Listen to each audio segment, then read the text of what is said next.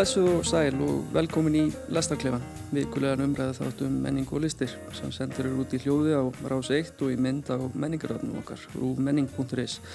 Þátturinn kemur sér sömulegðis fyrir í línulegri sjónvastarskrá á aðrás rúf eh, klukkan 10.05 á, á sunnudegi í þetta skiptið.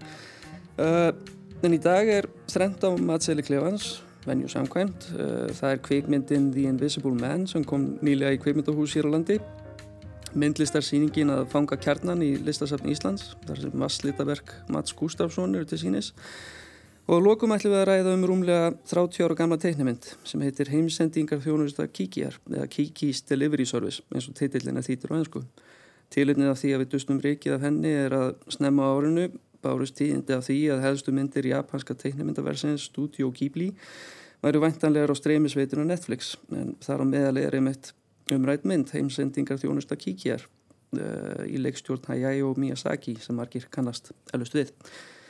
Til að ræða þetta við mig í dag eru þau Anna Margret Björnsson, bladamæður og reytuhundur, uh, Laura Martinsdóttir, kvimundafræðingur og Lógi Petró Stefansson, tónlistamæður, útgefandi og útvarsmæður. Já, verið velkomin í þáttinn. Takk. Uh, við tvínunum ekkert við þetta og myndum okkur strax í fyrsta efnið The Invisible Man á sama tíma og að okkur stafar uh, ósýnileg vá í formi COVID-19 verunar hættu við okkur í bíó til að sjá kveikmyndum konu sem verður fyrir barðin á siðblindu og ósýnilegu ílmenni myndin er ný útfæsla á síkildri vísindaskáldsögu H.G. Wells frá 1897 uh, sem hefur ratað í ófáar kveikmyndir með einu með öðrum hætti síðustu 90 árið eða svo Eh, leikstjóri myndarinnar er Lee Wannell eh, en hann er yngum þekktur fyrir samstarfsitt við leikstjóran James Wan en saman gerði rauður hlottveggja undir heitinu Saw. Uh, hún utur mikill að vinsalt á síðast áratug, hefur mann rétt. Í aðalhutverki The Invisible Man er Elizabeth Moss, leikona sem flesti kannast við úr sjónvægstáttunum The Handmaid's Tale sem byggjast á dystopískum söguheimi Margaret Atwood um óhugnalegt ofrikið samfélag þar sem konum er haldið niður í í einu öllu. Uh, hér er hún einni í hlutverki kúarar konu en myndin hefst uh, í miðjum flótta hennar úr ofbeldi sambandi við vellauðu hann ljóseðlisfræðing. Hún leitar skjóls hjá vinafólki og nokkrum veikum síðar er henni færðar þær fregnir að maður hennar hafi svitt sér lífi og fær hún óvænt umtalsverða fjármunni að erfiðum. Eftir röðu ískikilegra atvika fyrir hann að gruna að maðurinn sé alls ekki látin heldur síðan að hrella hanna í skjóli ósýnileika. Þetta er hrollvekja um vantrúna sem konur mæta þegar að segja frá misnótkun og ofbeldi sem þær hafa verið beittar og hefur henni verið líst sem kvikmynd sem sniðin sé að eh, eftirmálum uh, Me Too reyfingarinnar. Og það vildi rauna til að hún kom út um það leiti sem kvikmyndaframlegandin Harvey Weinstein var sagveldu fyrir kynferðisbrot eða hlut dóm fyrir. Uh, myndinu fengið góð viðbröð flestra kakrinenda þeir eru svo sem ekkit allir sammála uh, og finna nú svona sikvað til fóráttu eh, en, en hvernig fannst þér myndin Lára, tekstinn að blása nýju lífi í gamalt skrimsli? Já, ég, ég held það ég held þetta sé hérna sem svona svona sálfræði svona, þri, svona thriller að þá um, virkar hún ágætlega mm. og það er alls konar brellur ymmitt, hérna svona sjónkarjönga brellur sem að kvíkmynda gerða fólki nota sjálft með að nota til dæmis linsuna eða kvikmynda tökuvélina sem persóna í myndinni. Þannig við erum strax inn í herbygginu, við erum strax með henni og finnum strax það sem hún finnur og um, þetta er svolítið svona umdeilt kannski sjónarhorna því að eins og með gamle myndina Klút sem ég veit ekki hvort þú hefur séð með Jane Fonda 1971 mm -hmm. að þá var kvikmyndavélin alltaf svona höfð eins og, og sko frá sjónarhóli eiginlega hérna, hins illa sem, þess sem var að, að, að eldi hrellir sem var að horfa á og fylgjast með Jane Fonda mm. og það fannst til dæmis Robert, hérna, Roger Ebert ekki gott hann fannst að þá væri við áhörundunir svona eiginlega með hennum illa og, og við gætum ekki fundið ja, sterkar svona samkend með fórnalambinu mm. en þetta svona sanna sig veist, þetta, við erum náttúrulega komið miklu lengra í, í svona myndmáli og tækni og öðru og bara um fjöllunar efni að því að þetta er sko frá sjónarhóli konu mm. en myndin er aldrei svona blætiskend, þú veist myndavelin eða linsan og þessu leiti fannst mér hún vel hefnuð að, að koma þessari svona þessu stressi svona e, yfir til okkar og maður var svolítið svona spenntur allan tíman sem aðlögun þá fannst mér hérna hún svona eftir að higgja svolítið slungin það er ímislegt þarna sem að hérna e, er e, beint úr bókinni og eða aðlagað á, á, á sniðuan hátt. Mm -hmm.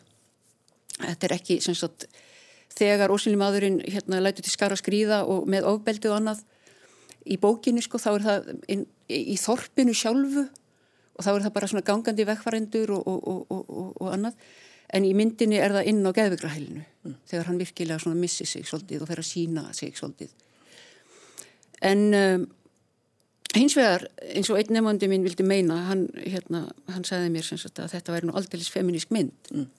og þá held ég að þar sé ég ósamála og, og um, að því leiti að um, en, en það er hins vegar akkur, akkurat beint úr bókinni mm. það er svo sniðugt sko að, að í lokin þegar hérna, nú er bara svona spoiler alert mm -hmm. má Já, það ekki? Ver, jú, jú, við bara verum fólk við það stingur puttum í eru og þegar hún horfir í myndavillin og brosir eftir það sem að hún hefur hérna sem sagt uh, virðist vera siguvegari mm. í þessari baróttu mm. og er núna með þennan svona þennan búning, svona einhvers konar eh, sjónkverfingar ham mm -hmm. það verðist verið eins og hún sé með valdið, hún er búin að taka valdið og um, horfi fram í framtíðina inn í, inn í myndavelina, inn í augað og inn til okkar ég vann en þarna er þetta er svolítið svona held ég miskilinn feminismi að því leiti að, að sko ef að feminismi er að berjast gegn svona feðraveldis vopn, svona uh, vopnaburði mm. að þá er það þá er það þá feminismi að taka upp sömu vopn og, og, og verða fallísk kona, mm. eða sem sagt eiginlega karlæg kona og þessu leiti virkar það ekki því að þú veist, uh, hvað er kvenleiki og hvað í dag mm. við þekkjum hann eiginlega ekki í dag hvaða er að vera sko raunveruleg þú veist, svona kvenlæg gildi vegna þess að við, við við erum svo samdöyna feðraveldis ígildónum mm. þannig að eh, já, já, já þannig, að, þannig að hún tekur upp vopn feðraveldis eins og undir lókin bara sem, að, og... sem er svolítið svona, þú veist, hvað ætlum hún að gera við þetta nema að, að, að kannski uh mhm. -huh.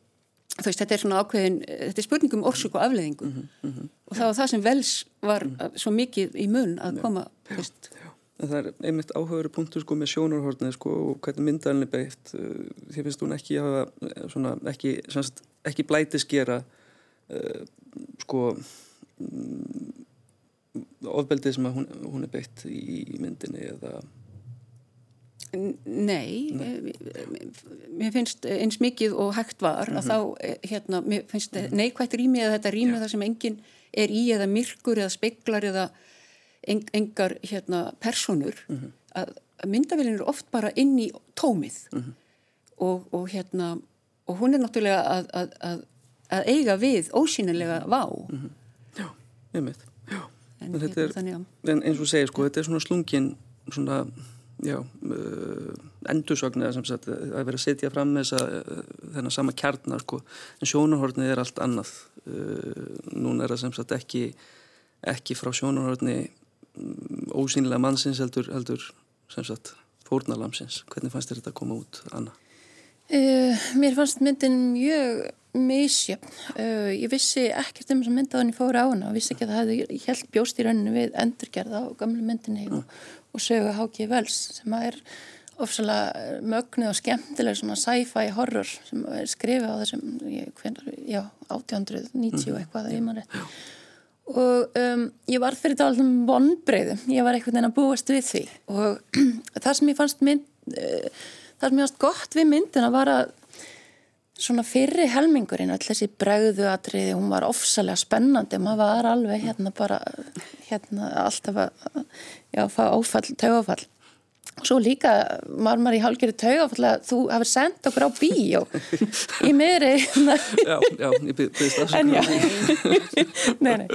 En uh, já, þannig að mér fannst hún velgerð og það var mjög spennandi. Mér fannst pínleiti pyrrandi að sjá Elisabeth Moss mm að þurfa að hafa setið í gegnum þrjár serjur af, þarna, af henni grátandi á barmi taugaveiklunar mm. eins og mér fannst sko fyrsta serjan af henni hérna í Handmaid's Tale mm. æðisleg, mm. þá byrjaði hann að fara ofslega í taugunar á mér mm. og þannig hann komið bara í nákvæmlega sama hlutverk mér fannst það pínu skrítið og eiginlega svolítið fráhrindi -hmm. og hérna ég hefði viljað sjá þess að leikunni gera eitthvað annað mm.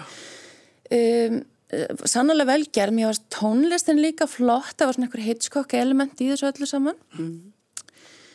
svo auðvitað sá ég þarna þessi Me Too element, þetta er ósýnlega í maðurinn í staðan fyrir að ósynlega maðurinn í, í fyrrum í gömlumyndinni þá er hann alltaf að verða sínilegur hann er alltaf að setja sig gleru og hatt og þetta fræga dulargerfi sem er orðið svona frægur grímbúningu og krökkum á rekkjavögu eða öskudeginu en þarna er hann alveg ósynlegur og, er, og enginn trúir henni og þetta er svona skemmtilegur vingill á andlegt ofbeldi, þetta gaslighting sem alltaf verður að tala um þar sem að ofbeldismadurinn er að, að láta konuna láta konun líða eins og hún sé gæðveik og, og, og öllum, öðrum finnst hún verið gæðveik líka. Mér finnst það skemmtilegt og svona, já, bara skemmtileg pæling.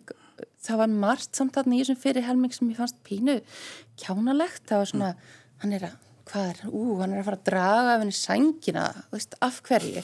Og eitthvað svona, það var svona mér finnst það pínu silli, mm. svo eftir hlið fannst mér bara því meður bara myndin sko jú, ég vissilega sammála þessi atrið sem þú fjallarum voru góð en allt annað var aldrei bara svona bjömynda aksjón eitthvað sem að ég var ekki alveg að, að kaupa. Mér fannst hérna já, ég sá tenginguna hann allt í nú verður þessi ofbeldsmaður sem fríkar út og hérna missir sig og byrjar að drepa bara eitthvað fólk út á gangi og svona. En um, líka kannski sem að mér fannst vant að þetta var það er engin samúð með ofbeldsmann ég er ekki að segja maður að ég hafa samúð með hann en það er engin karakter hann á mhm. bakvið maður kynast hann aldrei hann er bara döður strax og verður svo eitthvað skonar ofurhetju búning þarna þannig að hann er einmitt með, með öllu ósýnlegur í rauninni sko. og svo þegar hann byrtist þarna í lokin sem eitthvað svona cheesy tankrems kolgætt brosagaur það fannst mér það alveg bara mjög slagt sko mm, mm. Mér fannst reyndar einmitt endurinn doldið sniður, hún er að taka, ég sá þetta ekki sem, mér fannst þetta smá feiljur sem femnísk mynd sko persónlega, mm. en hérna það er bara mín skoðun, mér fannst mm. þetta, eh, og hvað er það að drepa svo mannin sem búið að vera beitað uppeldi, er það eitthvað svona lausn á einhverju, mm. veit það ekki. Um, mér fannst þegar hún tekur búningin hvað er það, vísun í aðra mynd? Er hún að verða ósynileg mm -hmm. doldið snöðt mann grunar það nú. Já, en já, mér fannst þetta þessi mynd ekki en, en, en hvað segir þú Lói? Já mér fannst myndin heilt yfir mjög fín. Mm. um, tónlistin frábær leikurinn frábær. Mér fannst einmitt skemmtilegt að maður sko, í opnun á senunni hún, segir manni eða allt sem segja þarf um hann sem karakter þannig að mann mm. sko, þegar hún hvernig hún þarf að flýja og allir þessar allt þetta völundur sem hún þarf að færi gegnum til þess að komast út mm. og svo kemur hann þetta rétt mm. til lokin þegar hún er alveg að fara að komast inn í bílin og það segir, það var svo skemmtilegt hvað það segði manni mikið um þetta samband mm. og svo fannst mér það einmitt svo stert að maður kynntist honum ekkert maður þurfti ekkert að kynast honum að því hann var svo ógeðfældur mm. e, og allt sem hann gerði var svo ógeðfæld svo er það einmitt þegar hann byrtir þannig í lokin og, og hvernig hann talar og notar þessa orðræðu ofbeldismannsins alveg bara pjúra og þetta er alveg eins og myndist á gaslæting, þetta er bara svona mynd sem er náttúrulega um gaslæting mm -hmm. mér fannst það skemmtilegt um, en hún er líka mjög amerísk myndin mm. og réttlætið henni er ameríst mm réttlætið þegar hún tekur gallan bara, hún, hún fær að vopna sig sko. mm -hmm. þannig að en mér fannst myndin frábær og líka af því að það er doldið sérstætt að þessi maður Lee mm. eða hvað sem hann heitir Lee Wonell Wonell ef maður skoðar það sem hann hefur gert og myndið sem hann hefur skrifað og, og þetta Blumhouse sem að framlega þetta, þetta það var ekkit, mér fannst ekkit gef, gefið að þessi mynd yrði eitthvað sem að myndi endilega vilja pæli eitthvað frekar sko. Já, en þessi myndi er síður bara í því hvað er þetta ræðana mikið fram til baka ja, og, og hvað hérna hvað eru skipta skoðinir á henni? Mm -hmm. það er það nefnilega uh, og það er, sumi segja eins og þú segir sko það sé svona hólur hljómur í sko í henni sko hvað snertir svona sko feminisman og, og, og, þetta sé og maður svona spyrsi hvort hvað hún hafi í raun og veru fram að færa og segja um, um sko um uh, sem sagt gaslighting og þessa vantrú um, sem konur vera fyrir. Um, og svo kannski líka þessi ósýnilega óg sem konur líka verða fyrir mm. og, og, og, og margir það er internetið og eldirhella stemningin mm. það er svona þessi ósýnilegi óvinnur kannski Já. líka Jú, ég, ég er sammálað því en sko það er hérna það eru nokkur atriði sko sem að eh, hérna við þurfum að hafa í huga ef við erum að pæla í þetta frá aðlugunar vinklinum mm -hmm. þannig að sko hérna Herbert George Wells hann var rosalega á, sko, hann var miklu meira þekktur sem svona þjóðfélagsrýnir og, og hérna og svona umbreytingasinni frekar en rítvöndur á sínum tíma. Hann var reynda mjög, sko, gekk mjög vel með hérna allar bækuna sína, hann var namvísindi og annað. En hérna um, og bókin sjálf sem og það kemur svolítið sniðulega fram í myndinni en það er bara ekki sett framar. Það er mjög mikið um peningaflæði. Hann var mikil sosialisti og hérna og hann og, og, og hjákonans Rebecca West sem var frægu bladamadur og, og hérna var mjög fræg að skrifa það um Núrnberg réttarhöldin og hérna þau voru mjög aktív svona félagslega og miklu svona umbreytingar hérna, þau eru svona vinstri sinnu þannig séð og sterkar réttætti skent og svona, og mikið fyrir samfélagslega, samfélagslega ábyrð og, um, og þetta með vísindamannin sko sem verður bara hérna veist sem að missir svona mennskuna í mikilmennsku brjálaðinu það, hann er að vara við þeirri vá.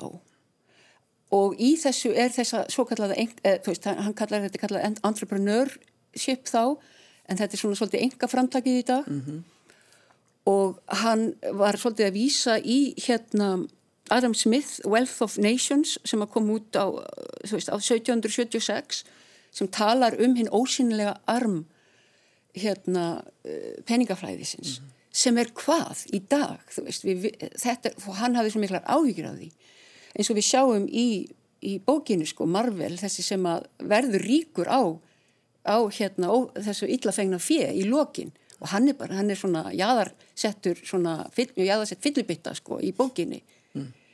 þú veist, en hann eh, hérna stelur eh, dagbókunum mm. og grúfi svo yfir þeim í lokin og allar sér sko að reyna að komast að lendamálinu og með íllafengnu fjö og, og leksían er svo að fólk lærir ekkert mm -hmm. þú veist að það myndi líka eh, vilja ymmit verða ósynlegt og geta bara hérna gert það sem það sínist eða kemist upp með það mm. bara án, án, án hegningar -hmm. Já, en já, það er eins og Lógi segir, það er eitthvað í þessari mynd sko. Uh, við gætum áræðanlega að halda áfram að tala um hana uh, í, í hérna, já, lengur en við verðum því miður að, mm -hmm. ja, því miður og ekki því miður færa okkur í næsta efni um, sem er uh, vasl, uh, síning á vasleitaverkum Mats Gustafsson í listasafni Íslands. Uh, Mats hefur áratugum saman málað myndir fyrir mörg af stæstu tískuhús heims og eru verkans og tískuheiminum þar til sínis í, í listasafninu, auk portrætta og náttúrumynda. Eh, Mats Gustafsson er fættur árið 1951 í Svíþjóð á áttunda áratögnum hóf hann að vinna myndir uh, fyrir hönniði og, og tískuhús en helgaði sig æg meira einn listsköpun þegar fram í sóti og vekja aðtekli fyrir verksinn.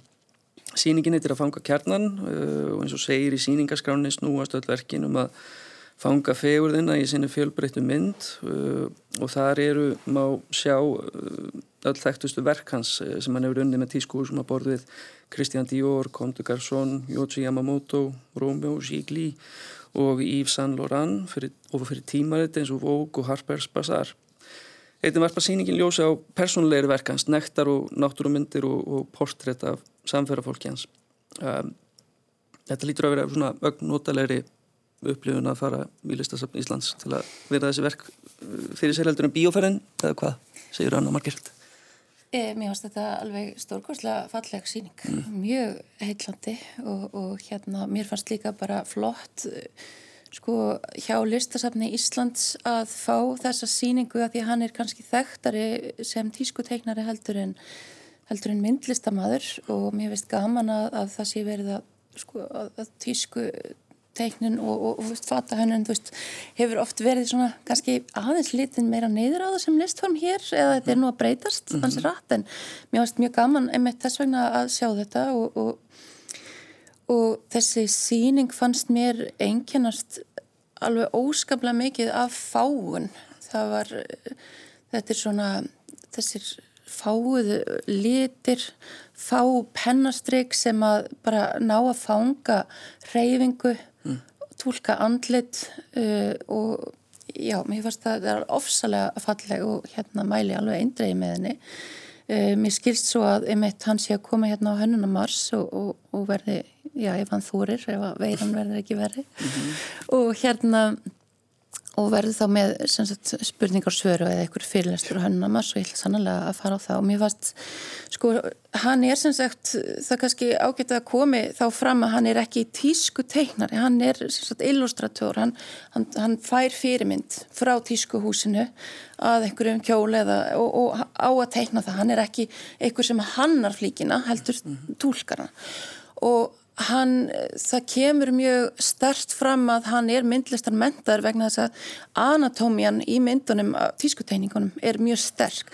Hann fangar reyfingu manneskunar sem er yfirleitt alltaf andlitslaus og þetta er bara, já og er að reyfa sig á tískupalli en maður sér reyfinguna og maður sér líka mann undir henni og efnið, hvernig hann tólkar efnin fannst mér algjörlega magnað. Hann er að vinna þarna með miðilinn sem sagt vassliti sem hlýtur að vera óskaplega erfitt mm. að, að gera tískutekníkur um vasslitum en þannig fangar hann sko svona transparens í efnum, maður sér alveg hvernig efnið er, hvort þetta er eitthvað þau stíft taffeta eða silki hvernig það fellir á manneskinu og mér finnst það alveg magnað, mm. þú veist.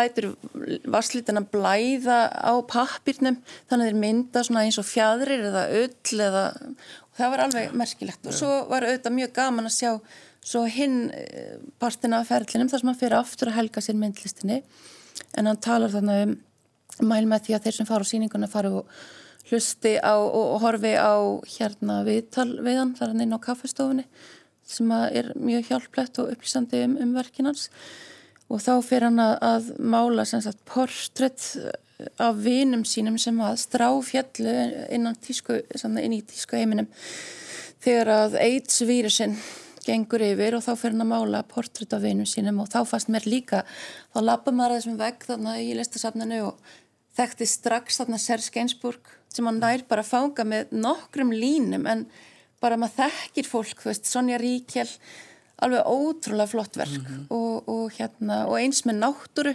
hann talaði einmitt um það að hann væri alltaf verið að fanga sko uh, fágun í öllu og það væri fá, svo mikil fágun í náttúrunni líka. Mm.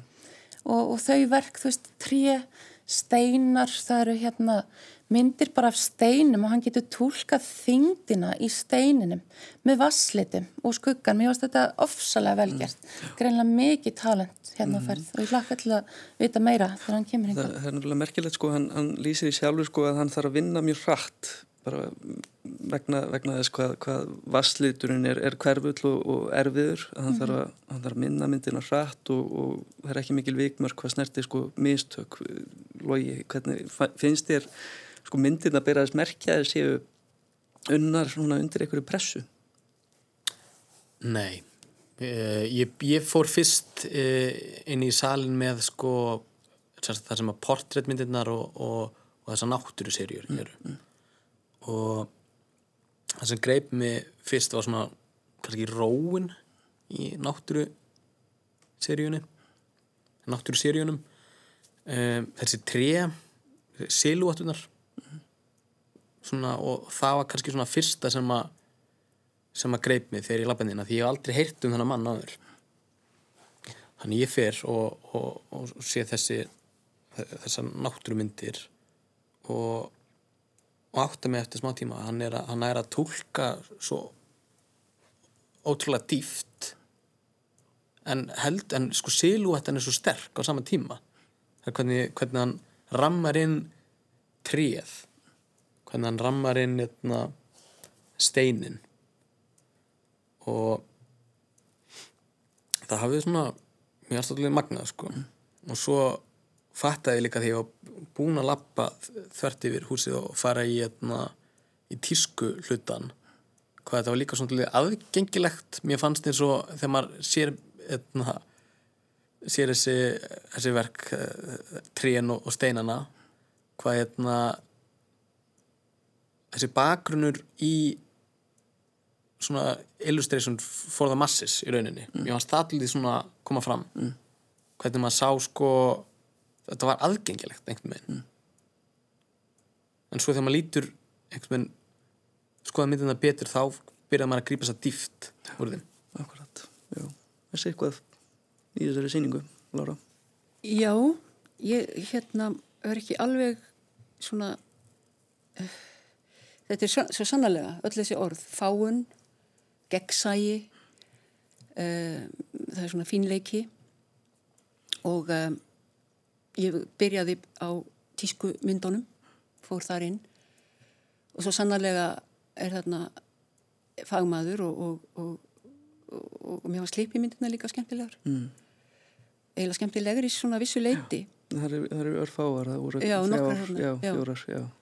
en hérna og jú, það er þarna maður sér reyfinguna en sko viðmiðin, ég sá strax að undir niðri og ég bel þótt að það var ekki persóna Að, þú talar um anatómíu mér fannst hún innmitt vera alveg sko laus við svona heilbriða líkama eða e, svolítið blóðlaus og, og fáun eins og Audrey Hepburn sem er eiginlega út, er eiginlega mótilið sko, mm. ásýnilega mótil og Tiffany mótilið mm.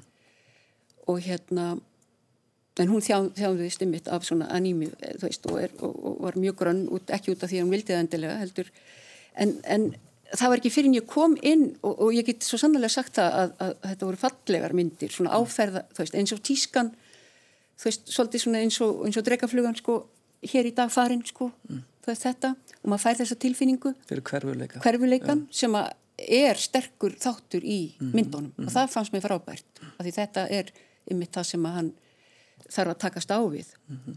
en það var ekki fyrir en ég fór, kom inn í ymitt sko, sá portrettinn og, og hérna líkamanna þá, og ég fór ekki, ég hlustaði ekki á hann þannig að viðtalið sko fyrst, ég vildi bara sjá hvernig mér liði.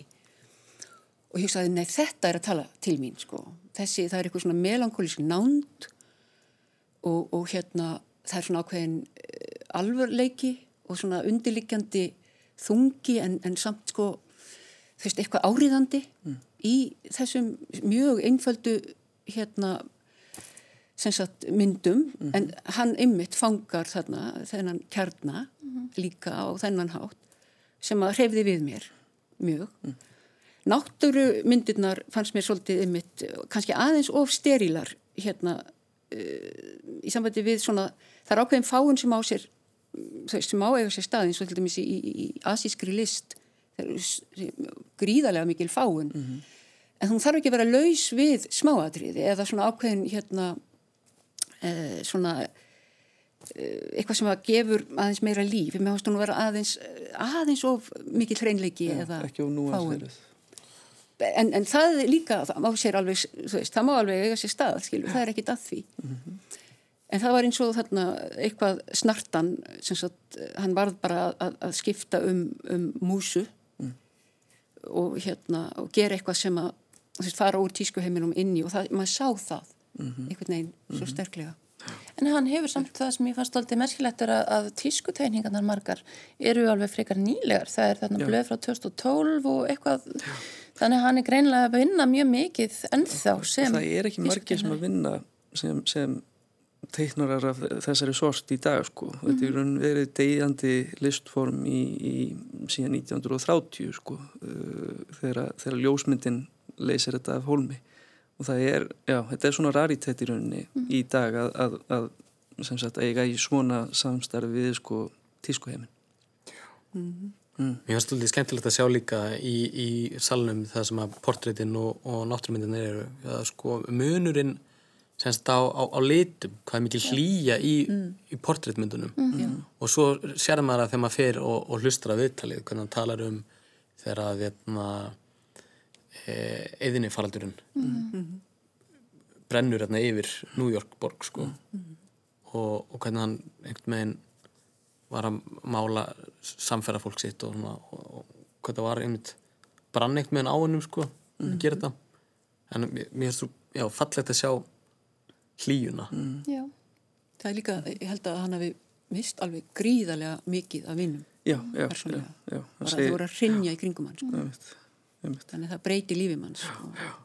Þannig að það er svona, já það er ákveðin harmur í þessari síningu sko, mm. innan, um, innan um svona, já um fegurðina Svona fegur, já, já En já, uh, rétt aðunum við hverjum uh, maður slita heim Mats Gustafsson er rétt að nefna síningin stendur opinn til 3. mæ í listasafn Íslands og förstu daginn 27. mars setjast þau Mats og, og Lauvei Jónsdóttir saman til að spjallum verkans uh, viðbururinn er á vegum Sapsins og Hannunamars sem stendur yfir frá 2005. til 2009. mars um, Já, nú ætlum við að mynda okkur yfir í Ghibli uh, teiknumynda uh, og það er heimsendingar þjónust að kíkjar. Eða nú ætlum ég að beita fyrir mig í japanskunni uh, Macho no Takjubin eins og hún heitir á japansku uh, þetta er rúmlega 30 teiknumind eftir Hayao, Miyazaki. En hann er góðsögn í levandi lífi og eitt stopnanda teiknumindaversin Studio Ghibli þar sem fjöldi ástsætla teiknumynda hefur orðið til teiknumindir eins og Tonari no Totoro eða Nágræni menn Totoro Mononoke no Hime eða Mononoke prinsessa og Sento Chihiro no Kamikakushi sem flestir þekki betur sem Spirited Away. Það er erfitt að að þetta er á íslensku þannig ég ætla ekki að, ekki að reyna það hér og nú. Um, en heimsendingar þjónust að kíkja er komið út árið 1989 og þetta var fyrsta teiknimind uh, stúdíu Ghibli sem að fekk dreifingu á Vesturlundum og, og var talsett á ennsku uh, þetta er um margt dæmigerð Miyazaki teiknimind en henn er satt frá Nordinni Kiki sem 13 ára gömul flýgur að heiman á Kúskafti til að gera statun og Nordin í nýjum bæ samkvæmt alltaf gammalli hefð. Með í för er talandi kötturinn Gigi og saman þurfuðu að takast á við nýfengið sjálfstæði með öllu því sem, sem því fylgir auknum frælsi og teilirandi basli Kiki fær húsaskjólfræði á vingjallegum bakar á hefur störf sem selju sendill og þýtur á milli staða með pjöngur og bögla á kústunum sínum. Þetta er svona dreymföld og, og, og hjartnæm mynd. Um, Lógi, þú varst svona nýstíin upp úr eitthvað svona kýbli marathóni þegar þið sambandið þig. Já, Já. Um, ég er búin að taka nokkrar núna mm. í rauð. Um, ég byrjaði á frábæra mynd sem heitir held ég Ocean Waves mm -hmm. öldur.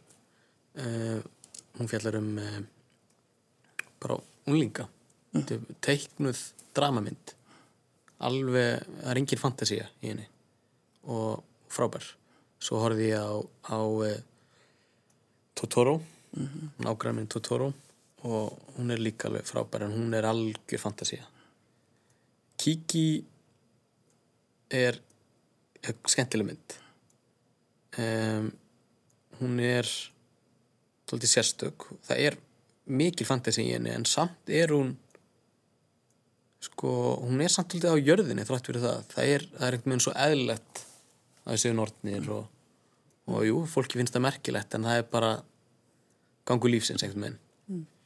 Mm, það er líka svolítið gaman að horfa á svona nokkrar kiplímyndir til þess að átta sig á sko sagt, umhverfinu í þeim mm -hmm. og umhverfið í, í þessari mynd er til stort hlutverk mm -hmm. hvernig sko Evrópa eins og kiplímenn sjá hana er einhvers konar paradís sko mm -hmm.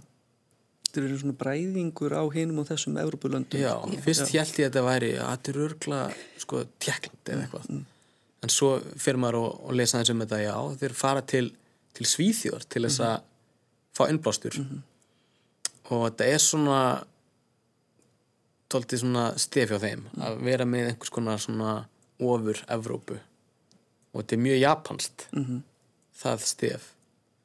En uh, mér varst myndin líka já, er, þetta er frábæð mynd, hún er skemmtileg.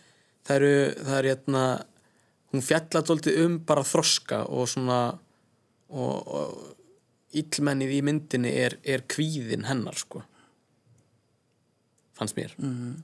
og hvernig hún hættir að geta flóið, það er illmennið í myndinni, missi máttin Missi máttinn, já, óryggi einmitt, óryggi.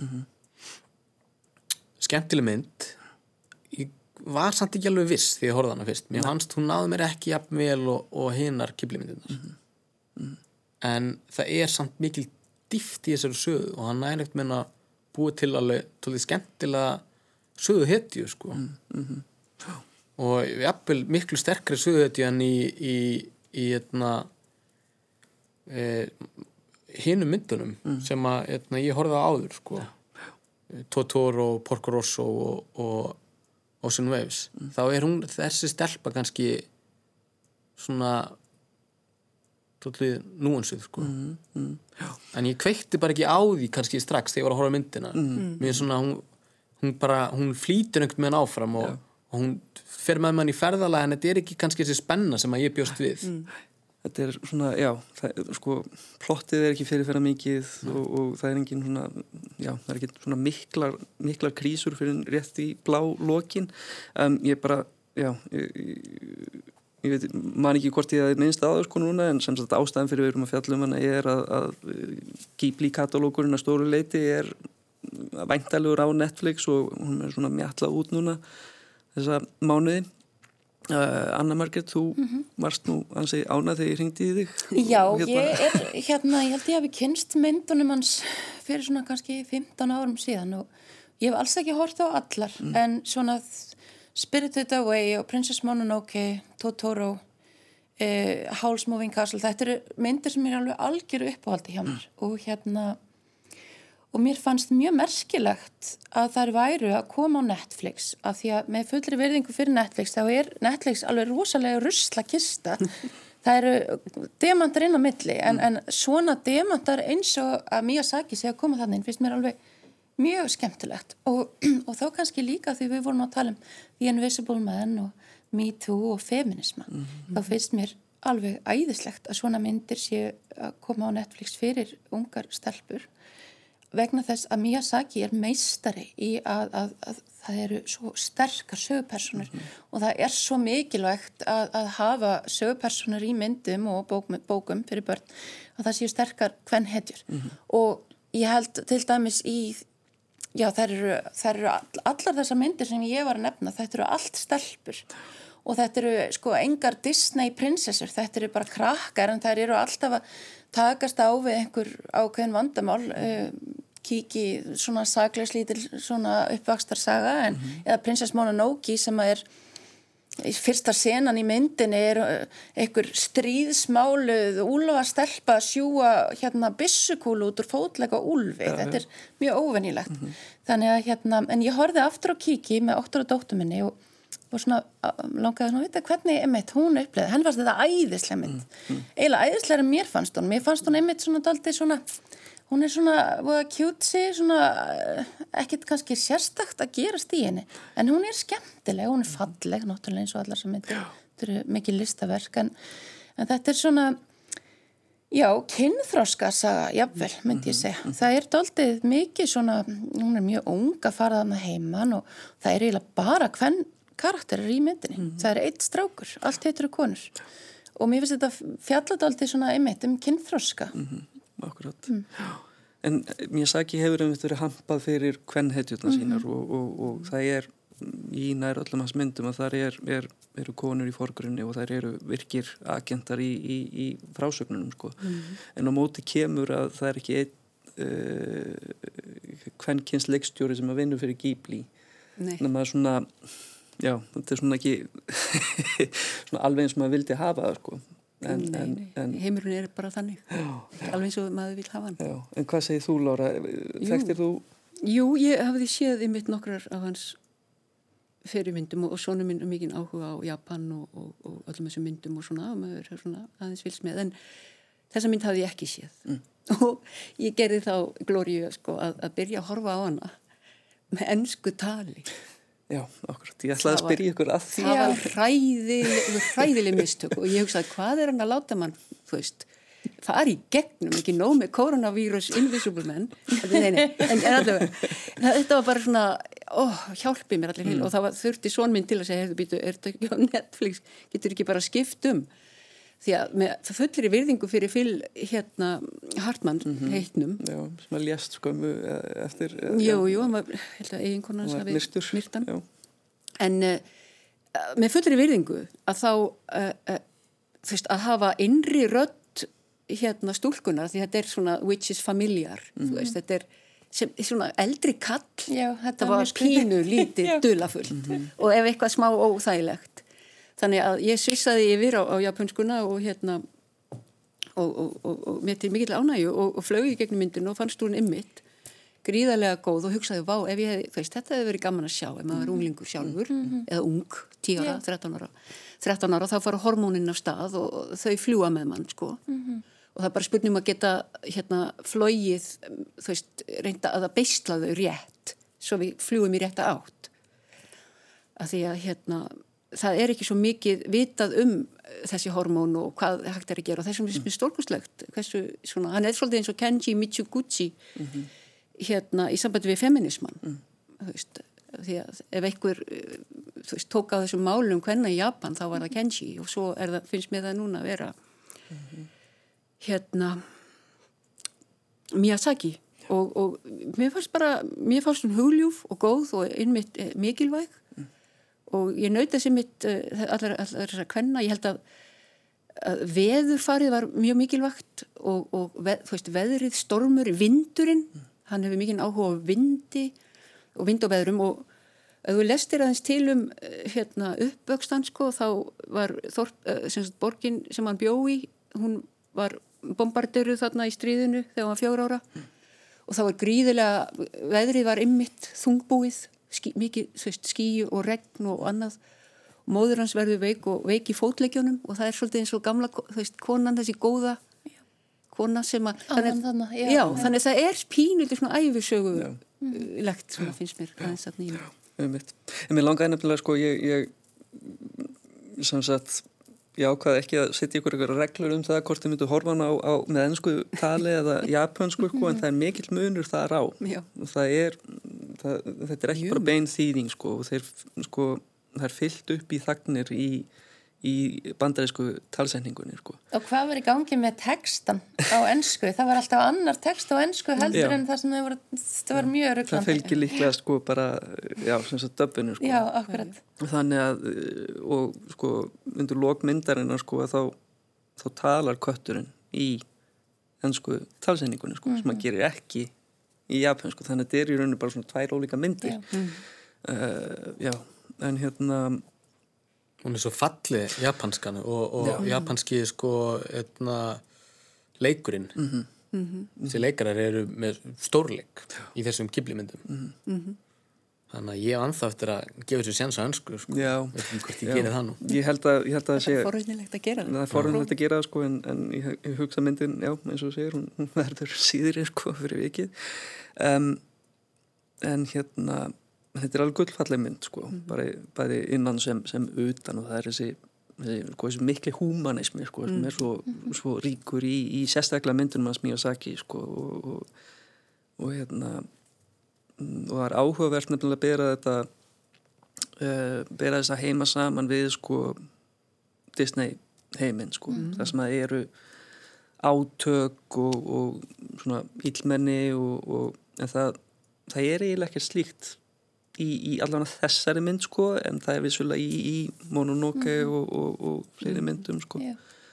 En, en jafnvel þar þá er það alltaf sko hérna Japanir og asísku kultúr yfir höfu, það hefur ekki alveg hérna, mistengslin við zen eða einhvers konar svona andleg Já, fræði. það er mikið svona trúarbræð inn í þessum myndum. Innmitt og, og það er alveg hérna eh, bara það, það, veist, það er svo stórkoslegt að, að finna það þessa hérna hlið og, og, og sem að fær að njóta sín í þessum myndum og að miða sagt, þegar við erum með samanbörðu Disney og amerískan kultúr, hvort sem það er Invisible, Invisible Men eða eitthvað annað að þá er engin andringt mm -hmm. veist, það er ekki hérna þessi tilfinningum að, að að leita annar að lausna heldur en þú veist í gegnum ofbeldi eða mm -hmm. þú veist og enga framtækið versus samvinnan og Já.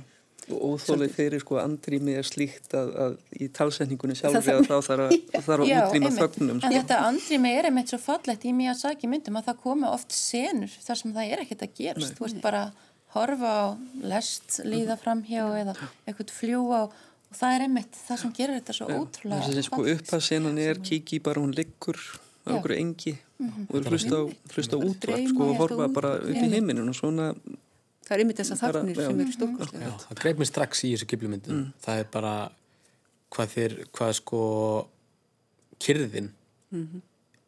er mikilfengli -hmm. hvernig hann segir frá því myndunum bara landslæð, hvernig hann er til í að eða tögi klukkustunda vikna í að gera senur sem að bara kyrð mm -hmm. Þa, það er svolítið sem að Mats er að gera er að ná þessari kyrð, Já. ekki satt? Já, Já. kyrðin um, Kyrðin Mér heyrist við vera að nálgast leðarenda það er verið að spila okkur út. Uh, ég bara vil þakka ykkur fyrir komuna í, í þáttin bara einspötning að lókum hverju uppáhalds kýpli myndið þín? Totoro. Totoro. Spirited Away Ég get ekki alveg sagt það en svona mér myndist á að hérna, snögg, já, Nautical Valley of the Wind. Já, einmitt, vel svarað. Takk fyrir okkur